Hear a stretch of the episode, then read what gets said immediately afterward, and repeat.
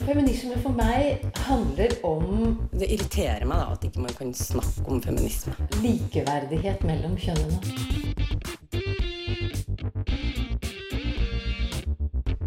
Det blikket på kvinnen på film. Det handlet om å bli tatt på alvor som jente.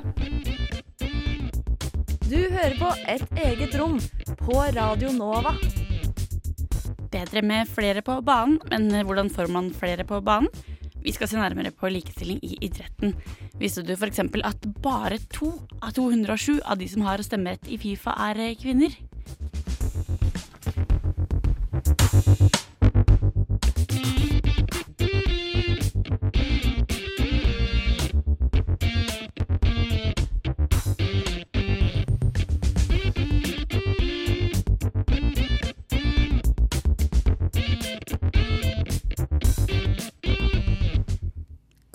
Mandagsmorgen. Det er som vanlig klart for en hel time med feminisme her på Radio. For du hører på Et eget rom, som prøver å lage sånn lite rom der man kan snakke om feminisme fra alle mulige sider og vinkler og perspektiver. Og i studio så hører du Eline Hystad og Sofia Fischer. Som, du er jo faktisk i studio for første gang, Sofia. Ja, det er første gangen i dag. Veldig hyggelig. Vi måtte selvfølgelig ha med noe svensk til et feminismeprogram. Fordi Ja. svenskene er jo mye bedre på det her enn eh, nordmenn. Nei, det vet jeg ikke. Ikke? Ja, Nei. jeg tror kanskje det. Tekniker er Isak Ree, og i dag så skal det handle om likestilling i idrett. Eller i hvert fall en liten del av den. da. Vi- Vi har jo altfor mye å snakke om, som alltid. Men, eh, men det er jo ganske store forskjeller i idretten, viser det seg. Jeg har for eksempel jeg har funnet ut at eh, Norsk Skytterforbund, der er det 9,7 kvinner. Veldig skjevt. Og på andre siden da, så er Norsk Rytterforbund De har bare 12,4% menn. Så her er det skjevt i begge retninger, da. Og det er sånn koselig, for jeg har også funnet ut at Gang- og mosjonsforbundet det er de som er mest likestilt. Der er det sånn cirka akkurat 50-50 med kvinner og menn som går på tur i sammen. Er det en sport? Ja, jeg tror det. ja, ja, jeg Ja, syns vi skal være rause og kalle det en sport. vi skal fortsette å snakke om idrett og om en rapport fra, som har kommet fra Idrettshøgskolen som uh, sier mer om det her, men uh, aller først så skal du få uh, kloroform og den kjempecatchy låta Lakris.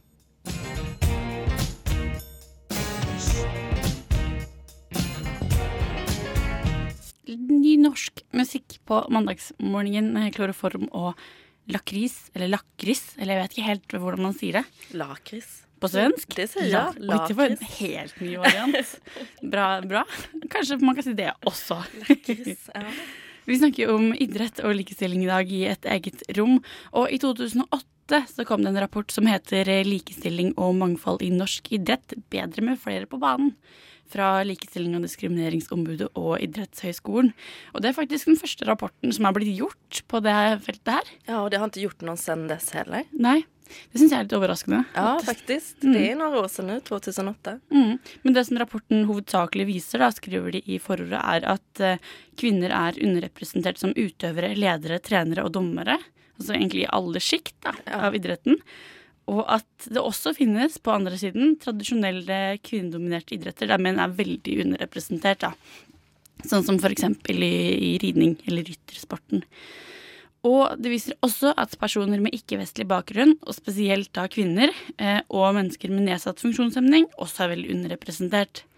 Men, men det, det som er liksom fint med denne rapporten, her da, er at den også gir ganske sånn konkrete forslag til hva man kan gjøre med det. Altså hva man kan gjøre med skjevfordelinga. Og Anne Marie Sunde hun dro opp til idrettshøyskolen og snakket med Marie Kristin Tisjord, som er idrettssosiolog og professor der, om akkurat den eh, rapporten.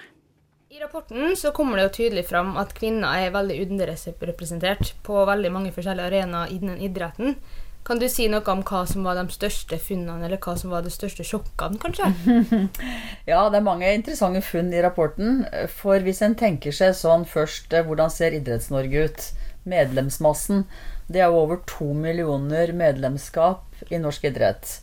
Og kjønnsfordelingen der er sånn 40% kvinner og 60% menn, sånn cirka.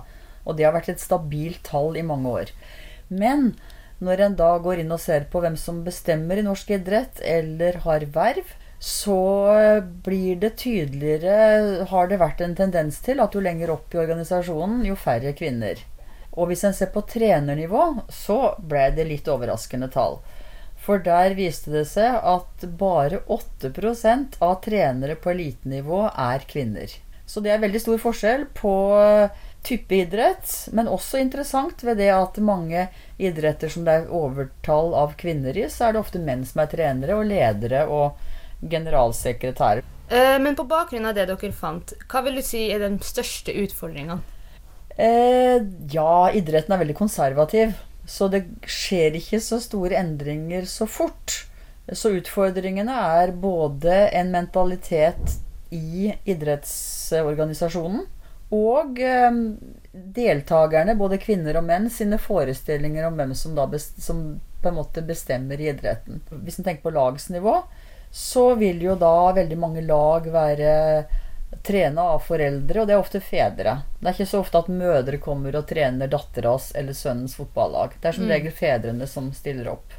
Du har jo sagt litt om det. eh, For at i rapporten så kommer det jo frem at de fleste som er trenere og dommere og ledere og styremedlemmer og sånne ting, er menn. Mm. Eh, Hvorfor er det sånn? Eh, Nå har det jo skjedd en liten endring, da. For det har blitt flere kvinner med, og det tror jeg skyldes mye likestillingspolitikk i Norge. Og at idretten har tatt inn over, tatt inn seg generell politikk, og da har f.eks. innført regel om kjønnskvotering. Slik at det vi da finner i rapporten her, når vi da ser spesifikt på dette som kanskje går på kvotering, så oppfyller 20 av 24 særforbund som vi har undersøkt, kravet om kjønnskvotering på forbundsstyrene. Men faktisk, når vi kommer ned på lagsnivå, så er det mindre oppfylling av kjønnsparagrafen, kvoteringsparagrafen. Vet du hvorfor det er verre på lagsnivå enn på de høyere nivåene? Eh, Det tror jeg har litt med gjennomsiktighet og oppfølging. Fordi at eh, Idrettsforbundet er nøye med å følge opp særforbund. At eh, kjønnskvoteringsregelen følges. Og det kom en forsterkning, en påminning, i 2007. Kjønnskvoteringsparagrafen kom i 1990 allerede. Så det har jo gått ganske sakte, og det var ikke så stor oppfyllelse. Så etter hvert så kom det en forsterkning av den, som betyr at du må søke fritak hvis du ikke da klarer å oppfylle den. Mens på lagsnivå så er det kretsene som skal følge opp, og da er det mer, mindre gjennomsiktighet. På lagsnivå så vil det jo være slik at ofte man tar den man får som svarer ja og er så grei å stille opp. Idrett er jo også en arena hvor barn lærer alt fra holdninger og normer og hvordan man er en lagspiller. Tror du det har noen påvirkning at det er så mange menn på hvordan de egenskapene blir lært? Det som kanskje preger idretten, er at den er prega av kanskje mer maskuline verdier. Altså tøffhet, tåle en støyt, ikke syte for ingenting, være målorientert, dristig. Altså mange av disse karaktertrekk en tenker ofte er mer maskuline. Kanskje den type karakter blir forsterka med mannlige trenere. Det kan tenkes. Vi skal høre mer fra Marie Kristin Sisjord, som er idrettssosiolog og professor ved Idrettshøgskolen, om denne rapporten ganske snart. Men eh, aller først Antler og Born. Før eh, Antler og Born så hørte du Marie Kristin Sisjord om, eh, om likestilling og mangfold i norsk idrett. Og det skal du få høre mer av nå. Annet om eh, hvor viktige forbilder er, og hvordan man kan jobbe fram flere av de. I tillegg til at idrettene i seg sjøl ofte er dominert av menn, så er det jo ofte sånn at de mannlige toppidrettsutøverne får mye mer oppmerksomhet, spesielt da i media. Mm. hvorfor er det sånn? Eh, Det henger sammen med at idrett er underholdning. Idrett er blitt showbiz, og da har vi et sånt gyllent triangel. Det er da idrett, sponsorer og media. Altså dette er butikk. Og det som selger, det vil sponsorene være med å betale for. Og da blir det slik at media plukker ut det som på en måte har størst seerverdi. Og eh, hvis du bare tenker fotball, som har enorm eh, sendeflate, så er det jo mannsfotball. Altså bare tenk cupfinalen, hvor liten oppmerksomhet egentlig kvinnefotballen får. Og så kan en tenke seg at ta ski, da. Langrenn. Og nå etter hvert skiskyting. Når det er mesterskap hvor kvinner og menn er sammen, så er det naturlig at da får kvinner større eksponering. For det er jo media der for å dekke det stevnet. Men så har du jo sånne ting som f.eks. det kvinnelige håndballlandslaget. Det får jo veldig masse oppmerksomhet på TV. Er det noen grunn til at de får like mye oppmerksomhet som da kanskje mannlig fotball får på den tida? Ja, det er et interessant spørsmål. Fordi at eh, nå har kvinnehåndballen vært ganske akseptert i Norge. Det har liksom vært jentenes ballspill.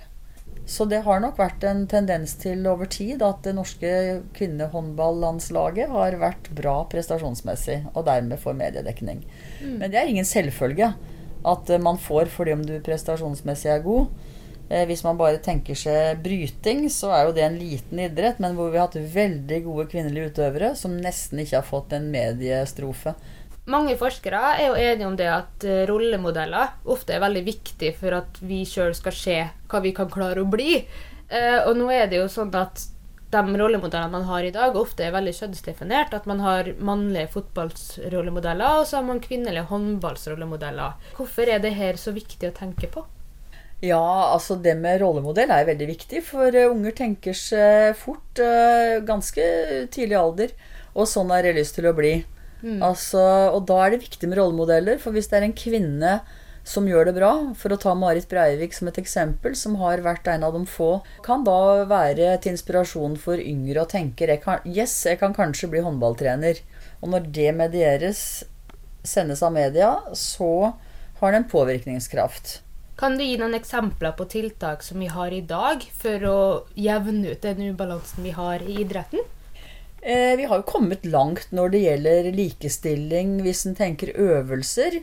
Eh, men fremdeles så er det jo øvelser som er bare for menn og ikke kvinner i idretten. Men eh, i Norge så har nok likestillingspolitikk og også idrettens egne ja, si lovverket bare som kvotering. Altså at man tenker mer begge kjønn. Og Olympiatoppen har jo hatt egne kvinneprosjekt for å rekruttere kvinner inn i toppstillinger. Flere forbund har vært aktive for å prøve å få kvinner inn på høyere nivå. Den rapporten her ble jo skrevet i 2008. Har man sett noen forskjell? Eh, vi har noen tall på eh, faktisk trenere, altså på elitenivå, som har økt noen få prosent. Det er jo ganske lite, selv om det er stor prosentvis økning. Ellers i idretten så har det vel blitt større fokus, kanskje, men eh, det går sakte. Og det er vel det som preger norsk idrett, at de store omveltningene kommer ikke, sjøl om vi får noen medaljer på topputøvere. Det, noen snakker om at du skal kjøre f.eks. enda tyngre på kjønnskvotering. Det kan godt tenkes et tiltak som gjør at jenter favoriseres. For hvis man snakker om sånn kvotering, så er det noen som mener at da er du ikke like flink. Da blir du kvotert pga. ditt kjønn. Men hvis man snur på problemstillingen, så kan man si at eh, det er faktisk kanskje menn som i mange sammenhenger allerede er kvotert ut fra sin posisjon og, og det å komme lettere til en del samfunnsarenaer. Og da må man da tenke litt annerledes og tilgodese kvinner, jenter, i en del sammenhenger. Vi har nok av data på det, eller har hatt før fra ulike undersøkelser, som viser at jenter ofte blir tildelt dårligere treningstider i hallen lørdag morgen, mm. eller eh, budsjettmessig ikke like tilgodesett. Så det er nok ta i bruk eh, litt kreativ tenkning og tenke litt nye baner for å få jentene med og oppmuntre jentene litt mer var eh, Anne Marie Sunde som har vært ute og snakka med Marie Kristin Sisjord, som er idrettssosiolog og professor ved Idrettshøgskolen. Vi skal fortsette å snakke om eh, idrett og likestilling, om hva man har på seg, faktisk. Men eh, først juicebox, eller jukebox, hva smittelig. Du Du Du hø hører på, på Radio Nova. Du hører på Et eget rom på Radio Nova, og Eline og Sofie er i studio. Og vi snakker om idrett og likestilling i dag. Ja. Og en av de tingene som er litt sånn morsomt i sport, som man kan se veldig godt forskjell på menn og kvinner, det er jo de sportene som kvinner skal ha på seg veldig lite klær. Ja, det er veldig rart, det der. Ja, Uten at det egentlig er så veldig praktisk. Sandvolleyball, for eksempel, er jo en av de sportene som lenge har vært faktisk påbudt for kvinner å bare ha sånn liten truse og bikini. Men det ble heldigvis oppheva i 2012. Så nå kan de spille i hva de vil. Og jeg leste i at i Dagbladet i mars så, så, skrev de om det her, og da sa Iver Horrem, som er en sånn Visstnok, jeg er ikke så veldig god innenfor sandvolleyball, men en stor sandvolleyballspiller i Norge, som sa at han syntes det var skikkelig skuffende. Og at sandvolleyball det mister nå sjarmen når du har mindre klær, fordi det skal være en sexy idrett. Da er det feil ting man ser på, altså. Ja, du mister litt idretten, og blir mer sexy. Ja, for Katrine Maaseide, som er en norsk sandvolleyballspiller, hun sa at eh, hun, hun mente at det egentlig var en god idé å droppe det påbudet, fordi det er jo ikke noe praktisk. Hun var litt sånn Men når det regner, så er det ikke noe godt å ha på seg bikini. Det er greit å velge å ha på seg genser da. Og det tror jeg på, da. Ja, virkelig. Vi fant jo også ut at det finnes noen sånne avarter av f.eks. amerikansk fotball eh, som Amerikansk trusefotball. Ja, trusefotball kaller de det. Der de egentlig bare spiller i truse Ja, istedenfor truse eh, og ja, som bikini med skydd oppe på. Ja. Så de har egentlig mye mindre skydd enn hva mennene har. De har jo ordentlige klær. ja, for amerikansk fotball er jo ganske stressende sport å ikke ha på så mye beskyttelse i. Ja, det kan ikke være praktisk, det der, altså. Nei. Og det er sånn at det blir brukt som sånn pausenummer i, eh, i sånne store idrettssammenhenger. Så bare sender de inn, og så spiller de litt amerikansk fotball i undertøy. Ja, men det er jo en egen sport også. Det er jo en Ja, en er en- slags avart av Ja, ja, mm. ja. Blitt en egen greie bare for å kalle dit folk. Det er, blitt en rart, det, er, det er veldig rart. Er, du har jo sett nærmere på det her også, men hvorfor, hvorfor er det sånn at det, det er så viktig at jenter har lite klær på seg? Hvorfor selger det så godt i idrett eh, også?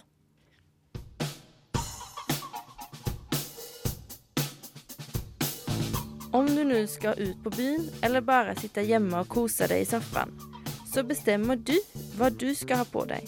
Eller? Ja, om du ikke er et barn, men det räknar vi med at du ikke er. Du kanskje føler at du vil se bra ut. Du velger om du skal ha på deg bykse eller kjole, topp eller skjorte. Ja, du skjønner. Men når du driver med sport Ja, da er det kanskje ikke så viktig hva du har på deg. Dine klær må jo optimalisere din presentasjon. Og hva du har på deg, og hvordan du ser ut, er kanskje ikke det viktigste i verden. Eller er det det? Don't shoot me for it. But if you want to be successful as a woman who's an athlete, sex appeal has to be part of the equation. Why is our society today like that? Why do women have to be like that and the men don't? In order for women's sports to survive, you need men to be into it. This is bullshit. Kvinnokroppen som illustrasjon for dieten säljer, selger, er en lettvint løsning som selv veldig dårlige journalister kan spekulere seg fram til nokså kjapt. Men hold deg fast, Gunnar Stavrum og Nettavisen har ikke merket noen nedgang i leseklikk etter at det sluttet med umotiverte sexbilder. Jeg tror vi trenger å se like mye menn som kvinner i media, som får drive med den sport de elsker mest i verden, med klær som hjelper dem til å gjøre dette.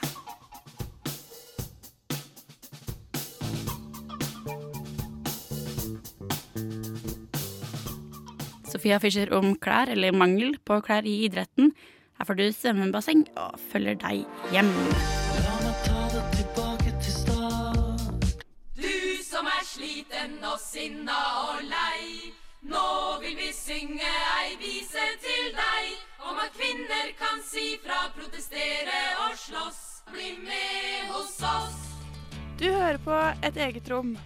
Likestilling kommer ikke av seg selv.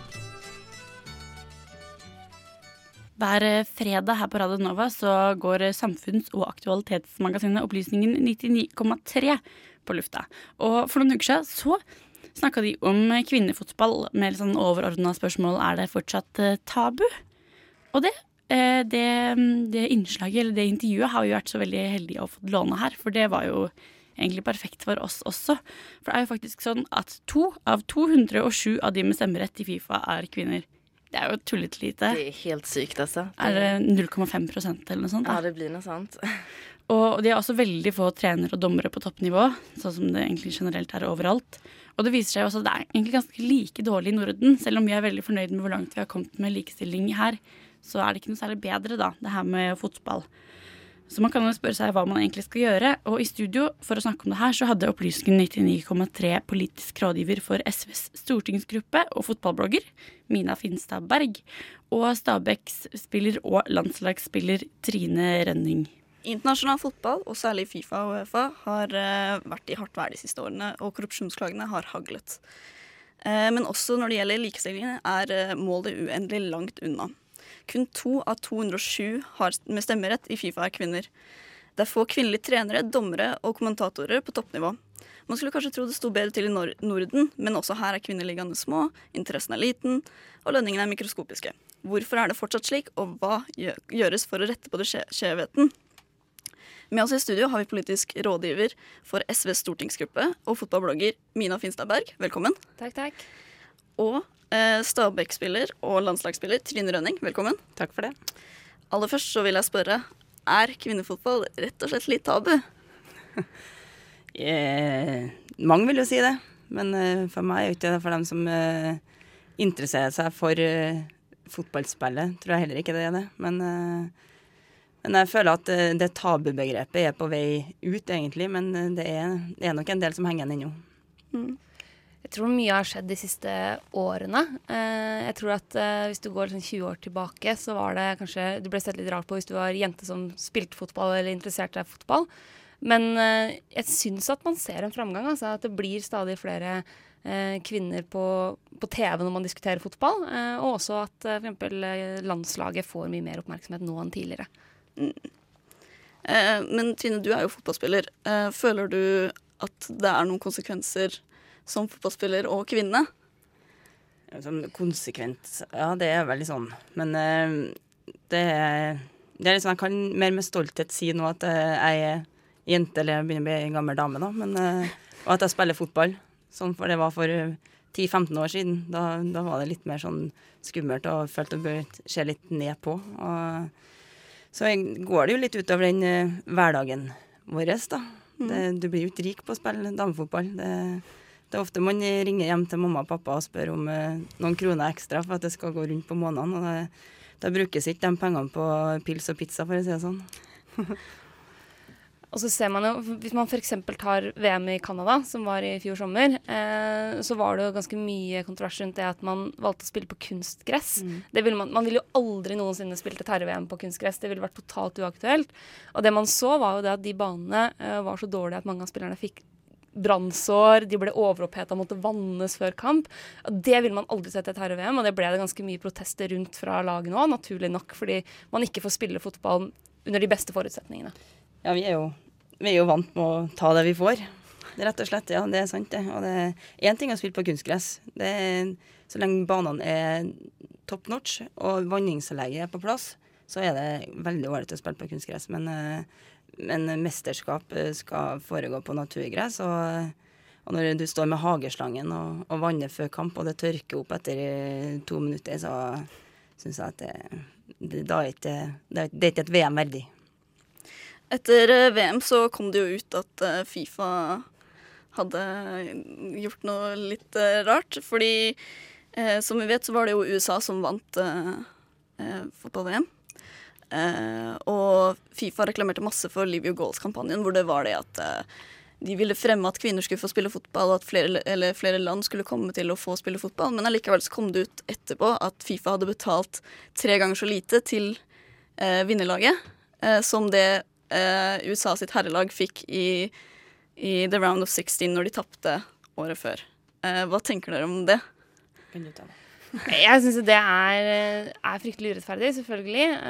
Og man har jo noen teorier rundt hvorfor er det færre jenter som satser skikkelig på fotball enn en gutter. Eh, og det er klart at for, for, gutter så kan de drømme om å bli de største stjernene. De har veldig tydelige forbilder de kan se opp til som er superstjerner, som tjener veldig mye penger. Eh, og det er ikke noe tvil om at du kan spille i Tippeligaen eh, og leve av det aleine. Mens for damene så er det annerledes. ikke sant? For man veit at sjøl om man blir eh, landslagsspiller, sjøl om man blir, blir, eh, spiller i toppserien, så er ikke det nødvendigvis nok til å leve av. Eh, du må kanskje ha jobb ved siden av. Man har ikke de samme, liksom, kanskje samme ambisjonene som barn, eller du har kanskje ikke de samme mulige drømmene eh, som barn som det, det, gutta har. Og det tror jeg er med på å påvirke rekrutteringa.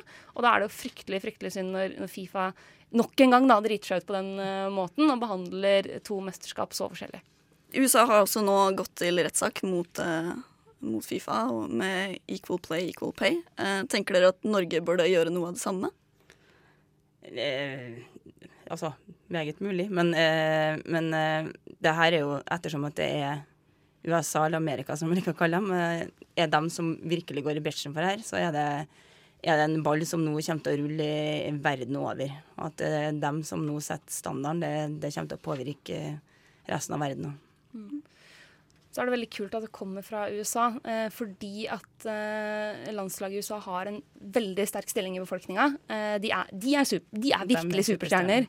Eh, og det at de går foran på den måten, syns jeg er kjempeflott. fordi da kan det også inspirere eh, i mange andre land. Eh, nettopp i kraft av den stjernestatusen mange av de spillerne har. da. Mm. Hvordan er det å leve på det å være fotballspiller? sånn For de, dine medspillere som ikke er på landslaget, er det noen stor forskjell? Ja, det er klart det er det. Sånn lønnings... Eh, hva skal jeg si Stigen vår i Stabæk er, er ikke som en minstelønn engang. Så det er, det er en sånn som dekker egentlig utgiftene du gjør i løpet av året med busskort og, og den biten der, nesten. Så det, det, er, det er jobb og fullt studie utenom. Altså det, det må man for at man skal ha noe å leve av òg. Hva, hva, tenker dere skal til for at uh, folk skal finne interessen for kvinnefotball? Ja, Det er jo den nøtta man må knekke. da. Hadde man jo visst det, så ville man ha, ha bidratt for lenge, lenge, lenge siden. Men uh, man er jo på riktig vei nå, sånn når NRK nå har virkelig gått inn og satsa. Du ser liksom når det blir flerkameraproduksjon, f.eks. Eh, så er det mye mer action som Du slipper å vente på et innkast som eh, tar liksom tre minutter for at eh, ball, balljenta på sju år liksom vet ikke hvem man skal kaste. Altså den biten der. Mm. Så det er veldig stor forskjell når det blir likt som på gutta. Mm. Det, ja. Så tror jeg også at landslaget har vært med på å gjøre en viktig jobb allerede. Og gjør en veldig viktig jobb. På den ene sida fordi at landslaget leverer resultater og god fotball, kvalitet. ikke sant? Eh, kommer seg til VM, gjør en god jobb. Eh, kjempegod i EM sist. Eh, som jo gjør Altså vi nordmenn er jo litt sånn at vi interesserer oss for alt idrettsaktig som Norge kan vinne noe i. Altså Om det er sjakk eller curling eller fotball, er litt sånn så lenge Norge har sjanser til å vinne noe, så, så er vi med. og det er bra. Og så mener jeg også at landslaget nå har veldig mange kule profiler en blanding av liksom, veteraner man kjenner har et forhold til, og unge, spennende talenter som er og som, mange som snakker rett fra levra. og Det tror jeg også hjelper på å skape interesse rundt landslaget. Og så må man håpe at da, da, har du også lyst til å se de spillerne i seriekampene, eh, om det er i toppserien eller for enkelte i, i Champions League. Eh, sånn, så, så, tror jeg at det, jeg tror det også hjelper, da. Mm. For et av hovedargumentene som man hører når folk sier at de ikke ser på kvinnefotball, er jo fordi det er kjedelig, og det skjer lite. Og så sier de at eh, eneste grunnen til at Norge gjør det bra på et internasjonalt nivå, er fordi alle de andre landene ikke har et like høyt nivå. Tenker dere at det er sant? Nei, det er absolutt ikke sant. For meg, da, det er liksom Andre idretter sammenlignes ikke så mye som i fotball. Er, vi har liksom havna under, under den. Og for dem som sier den biten her, har ikke skjedd mange damekamper. Det, jeg har vært og sett mange herrens eh, herrekamper, jeg òg. Men det er liksom den spenninga og eh, den eh, Ja, altså, se kvaliteten på spillerne og spillet òg, er liksom Det er det samme. Det, selv om det er fysiske forutsetninger, så jeg syns ikke at det er så stor forskjell på den tekniske og taktiske biten da, som folk skal ha det til. Mitt inntrykk er jo at nettopp de som sier at ja, damefotball er kjedelig, bla, bla, bla, jo knapt aldri ser damer spille fotball. Eh, og hvis du f.eks. syns at det er kjempespennende å se Sogndal mot Sandefjord i Tippeligaen, men ikke syns det er noe spennende å se VM-finalen i Canada, så, så, tenker jeg at da, du, da er du ganske forutinntatt. Da. da har du bestemt deg på forhånd eh, hvilke av de to kampene du skal synes at er mest underholdende, for å si det mildt. Ja. Og sånn internasjonalt også er det, det er toppnasjoner hvor enn man snur seg hen. Mm. Og det, Stadig flere òg? Ja, det kommer opp uh, nye nasjoner hvert eneste år. Og For, for eh, 15-20 år siden så var det liksom fem-seks nasjoner som virkelig det var trøkk i, men nå er det det, det, det er ikke bare å sette skoen på gresset og tro at du skal vinne en fotballkamp internasjonalt lenger. Det, Den tida er forbi. Og nå konkurrerer jo også Norge med en del spillere fra land hvor det er i større grad er mulighet å leve, mulig å leve av å spille fotball også som dame. Som gjør at, altså, og det gjør jo noe med, med hvor mye tid og krefter du kan bruke på fotballen og treninga, kontra hvor mye tid og krefter du må bruke på studier eller jobb. ikke sant? Så nå konkurrerer man jo mot folk som egentlig har bedre forutsetninger enn det det norske landslaget har. Og likevel så hevder man seg godt å spille veldig gode kamper også mot eh, noen av verdens aller beste lag, eh, som er utrolig imponerende. Tenker dere at det er noen store forskjeller på kvinne- og herrefotball? Liksom, hva, er, hva er egentlig forskjellene? Det, altså for meg det handler jo om det fysiske, Mm. rett og slett. Det, du, kan, eh, du kan sette karogram og, og dæle liksom i en, eh, i en telefonboks, og, og de gjør akkurat det samme. Mm. Så eh, ja, Ødegård og for den saks skyld. Hvis du skal sammenligne dem som er liksom sånn ekstremtalenter, så er det Ja, altså den, den tekniske biten, det, det, det er ikke noe forskjell i det hele tatt. Så det er klart at det er jo størrelse, størrelse og fysikk. Det er klart at en, en mannlig keeper eh, vil gjerne være 10-20 cm høyere og dermed dekke større deler av målet. En mur i en herrekamp vil være høyere enn en mur i en, i en damekamp. Eh, sånne type ting vil jo være, være forskjellige. Men utover det, så altså, det er jo det samme spillet. Det er de samme taktiske og strategiske vurderingene. Det er eh, de tekniske ferdighetene i damefotballen er- blir bedre og bedre. Eh, og det ser du jo spesielt med den yngre generasjonen eh, kreative midtbanespillere mm. som kommer opp, eh, opp nå. At det, det står ikke noe tilbake der, altså. Mm. Eh, er det noen grunn til at Norges Norge sitt eh, kvinnelandslag ikke har fått tildelt eh, fast stadion? Og har det Mm. noen, noen ulemper med seg? Det er både fordeler og ulemper. Selvfølgelig er det det. Eh, Jeg har liksom savna litt inn å ha en sånn tilhørighet én plass, der det er liksom Det her er, det her er vår stadion, det her er vår hjemmebane. Og der du føler at eh, Ja, det å ha fortet sitt, rett og slett. Men så er det det å dra ut i, i litt mindre byer og litt ut i distriktene òg, at uh, det skaper en interesse. Og endelig så skjer det noe i, i de byene òg. Så uh, det kommer mye folk, og folk er ivrige, og, og Ja, vi når ut til flere, da, enn om det skulle bare ha vært i Oslo-området. For uh, interessen har vært mest laber når vi har hatt det her i Oslo. og Så drar vi ut, så plutselig er det 4000-5000 på kamp, og det, det er kult. Merker du noen forskjell på hvem som kommer til eh, Stabæk-kamper og hvem som kommer til landslagskamper? Er det større pågang på landslagskamper, eller er det Eh, Jeg tenker sånn i forhold til Stabæk-fansen, om de kommer og kikker på landskamper og sånn. Eh, I starten så var det det, og jeg vet at de mest ivrige nå er jo Stabæk-support, og de er en eh, trofast kjerne. De er ikke så mange lenger, men de er trofast, og mange av dem er og kikker landskamper, det er de. Men uh, de står ikke og, og roper, roper Stabæk-sanger da, for litt. um, Når vi researcha dette emnet, så fant vi ut at uh, i 19, eller på 1970-tallet var først da kvinnefotball faktisk ble lovlig å spille i England. Hva, hva, hva sier det om historien til kvinnefotball? Det er så seint, ja. Det er faktisk det. altså. Jeg, jeg tenker Det sier noe om hvor enormt langt man har kommet på, på ganske kort tid. da. Eh, og det, det er jo veldig positivt. For da tenker jeg at eh, hvis man da de, de liksom første 45 åra har, har kommet seg såpass, eh, såpass langt som vi har nå, så kan man jo tenke at man kan fortsette den, den utviklinga.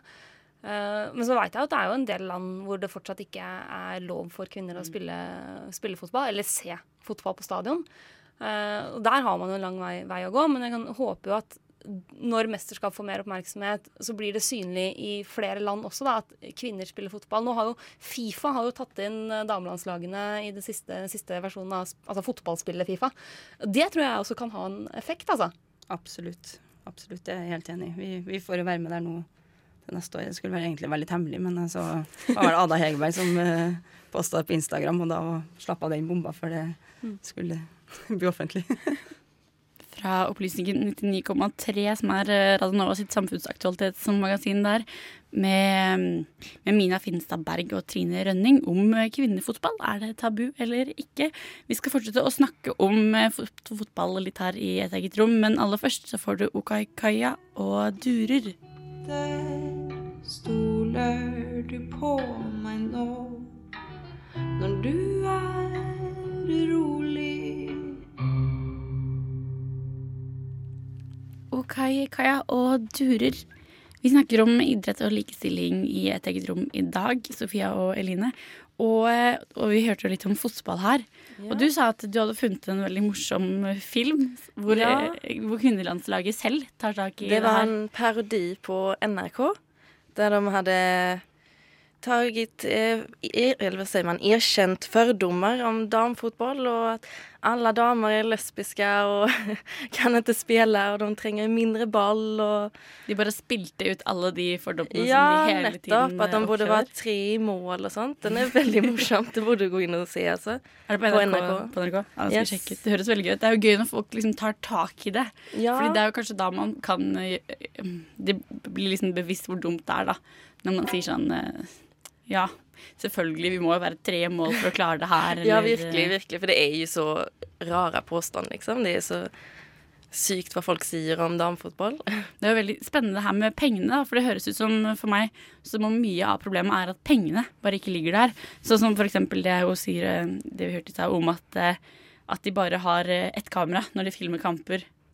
At, at det, blir liksom, det blir ikke god underholdning, da. Det er ikke Nei, noe det blir ikke like bra som når de filmer for guttene. Det er jo ingen som sitter og ser på en kamp hvor du må vente tre min før ballen skal komme tilbake på banen. Det Nei, er ikke nei, bra nettopp. nok, da. At det er sånne ting som er problemet. Sånn som du sier at lønningen er så lave at Ja, ikke man satser ikke på det tilrekkelig bra. Nei. Altså, Men de hadde sånn de har noe som kalles jenteløfte i, i norsk fotball i, fra 2007 til 2012, som kanskje kan gjøre noe med det her. Da. Det var litt spennende. fordi det, det handla om at de bare skulle mm, kjøre masse penger inn i kvinnefotballen for å prøve å løfte det, rett og slett. Og de øremerka 270 millioner til det. Men jeg er litt usikker på hva som har skjedd med det nå, for jeg leste at i 2010, altså før de egentlig skulle avslutte dette prosjektet her, for det skulle vare fra 2007 til 2012, 2010 så um, sa de fra om at de, skulle, de ville kutte støtten til det her jenteløftet. Mm. Fordi de mente at det ikke egentlig skjedde nok, da. Men det er vel det som har vært problemet med sport. At det tar så lang tid for saker og ting å skje. Mm. Eh, at det fortsatt er så mange menn som sitter i, i høye posisjoner, og liten andel kvinner. Det tar så lang tid. Ja. Og hvis de, ikke, hvis de ikke får til sånne kanskje økonomiske løft, da, hvis de ikke kjører masse penger inn i det, sånn at det kan bedres Hvis de, hvis de får til da, å gjøre det kulere å se på kvinnefotball, f.eks. Det må jo være et veldig sånn der grunnleggende ting. Eller Ja, gjør det absolutt. mulig å spille kvinnefotball for, sånn at de har nok penger. Så det må jo være en god løsning. Ja, absolutt. Det er vel det man må gjøre.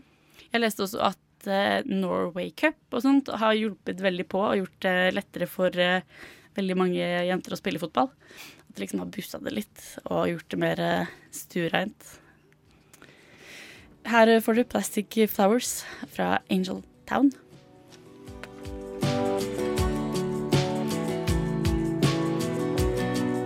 Plastic Flowers av eh, Angel Town. Vi nærmer oss eh, slutten her eh, i et eget rom for i dag. Veldig nærme slutten, faktisk. Men i studio så har du hørt Elin Hystad og Sofia Fischer. Og Anne Marie Sunde har også bidratt. Og Tekniks har Isak Revert. Og vi er selvfølgelig tilbake i neste uke, og da skal vi snakke om et vårtegn som er like sikkert som eh, som eh, hvitveis. Fantastisk eh, kunst her. Ordkunst. Ja, vi skal snakke om russ. Det blir gøy. Det er morsomt, fordi når vi tok opp russetema, så sa Sofia fra Sverige her at det, du skjønte ikke russ Nei, jeg synes det er veldig konstig. Jeg skjønner ikke hvordan de får lov å ha det. Nei. Det har vært veldig masse der, sånn debatter og kronikker rundt russ også. Så det blir morsomt å snakke om, Ja, tror jeg. det blir Mm. veldig bra. Du må sjekke oss ut på iTunes og SoundCloud i mellomtida. Jeg har hørt at eh, da vi bytta navn, så skjedde det noe litt rart med iTunes-feeden til noen folk. Men jeg tror det, hvis du oppdaterer, så skal det funke. Jeg håper det kommer i gang nå. iTunes er liksom tungt å dra i gang, men det skal være i orden nå. Eh, og på radionova.no slash et eget rom så har vi også noen nettaker. Blant annet ifra den store bordelldebatten som var i forrige uke. Ja, det var veldig bra. Ja, sjekk ut det. Her får du helt til slutt eh, Dean Brunt sitt sånn rapp-hiphop-aktige prosjekt. Babyfather og Motivation.